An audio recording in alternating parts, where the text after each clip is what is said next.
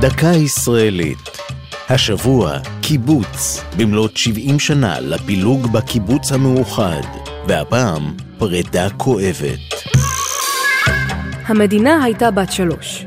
ב-22 במאי 1951 דיווח עיתון הארץ, מחצות ליל שלשום, חיים 13 אלף נפש המרוכזים ב-80 משקי הקיבוץ המאוחד, בסימן פילוג רעיוני וארגוני, בעקבות ההחלטה הגורלית לתנועה הקיבוצית.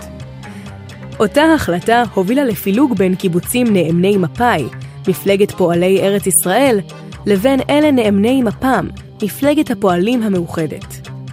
ארגון הקיבוץ המאוחד שהוקם בשנות ה-20 כלל אז את גרעיני המפלגות היריבות. בראשית שנות ה-50 העמיק הסכסוך עד כדי כך שבקיבוץ אשדות יעקב הוציאו חברי מפא"י את ילדיהם ממוסדות החינוך ותבעו לתת להם חינוך נפרד, בטענה שהם מקבלים חינוך לבולשביזם. זאת על רקע תמיכת אנשי מפ"ם ברוחות שנשבו בברית המועצות, שבראשה עמד הרודן סטלין. הקיבוצים ממפ"ם סירבו לתביעה, והמפא"יניקים נאלצו לפרוש מהקיבוץ והקימו ארגון חדש, איחוד הקיבוצים.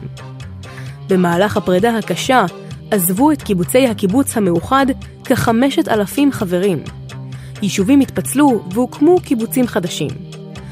עם השנים נשכחו הסיבות לסכסוך, עד שבשנת 1980 שבו שתי התנועות והתאחדו בתנועה הקיבוצית המאוחדת, התק"ם. אבל שמות הקיבוצים מנציחים את הפילוג. אשדות יעקב איחוד, אשדות יעקב מאוחד, גבעת חיים איחוד, גבעת חיים מאוחד, וכיוצא באלה. זו הייתה דקה ישראלית על קיבוץ ופרידה כואבת.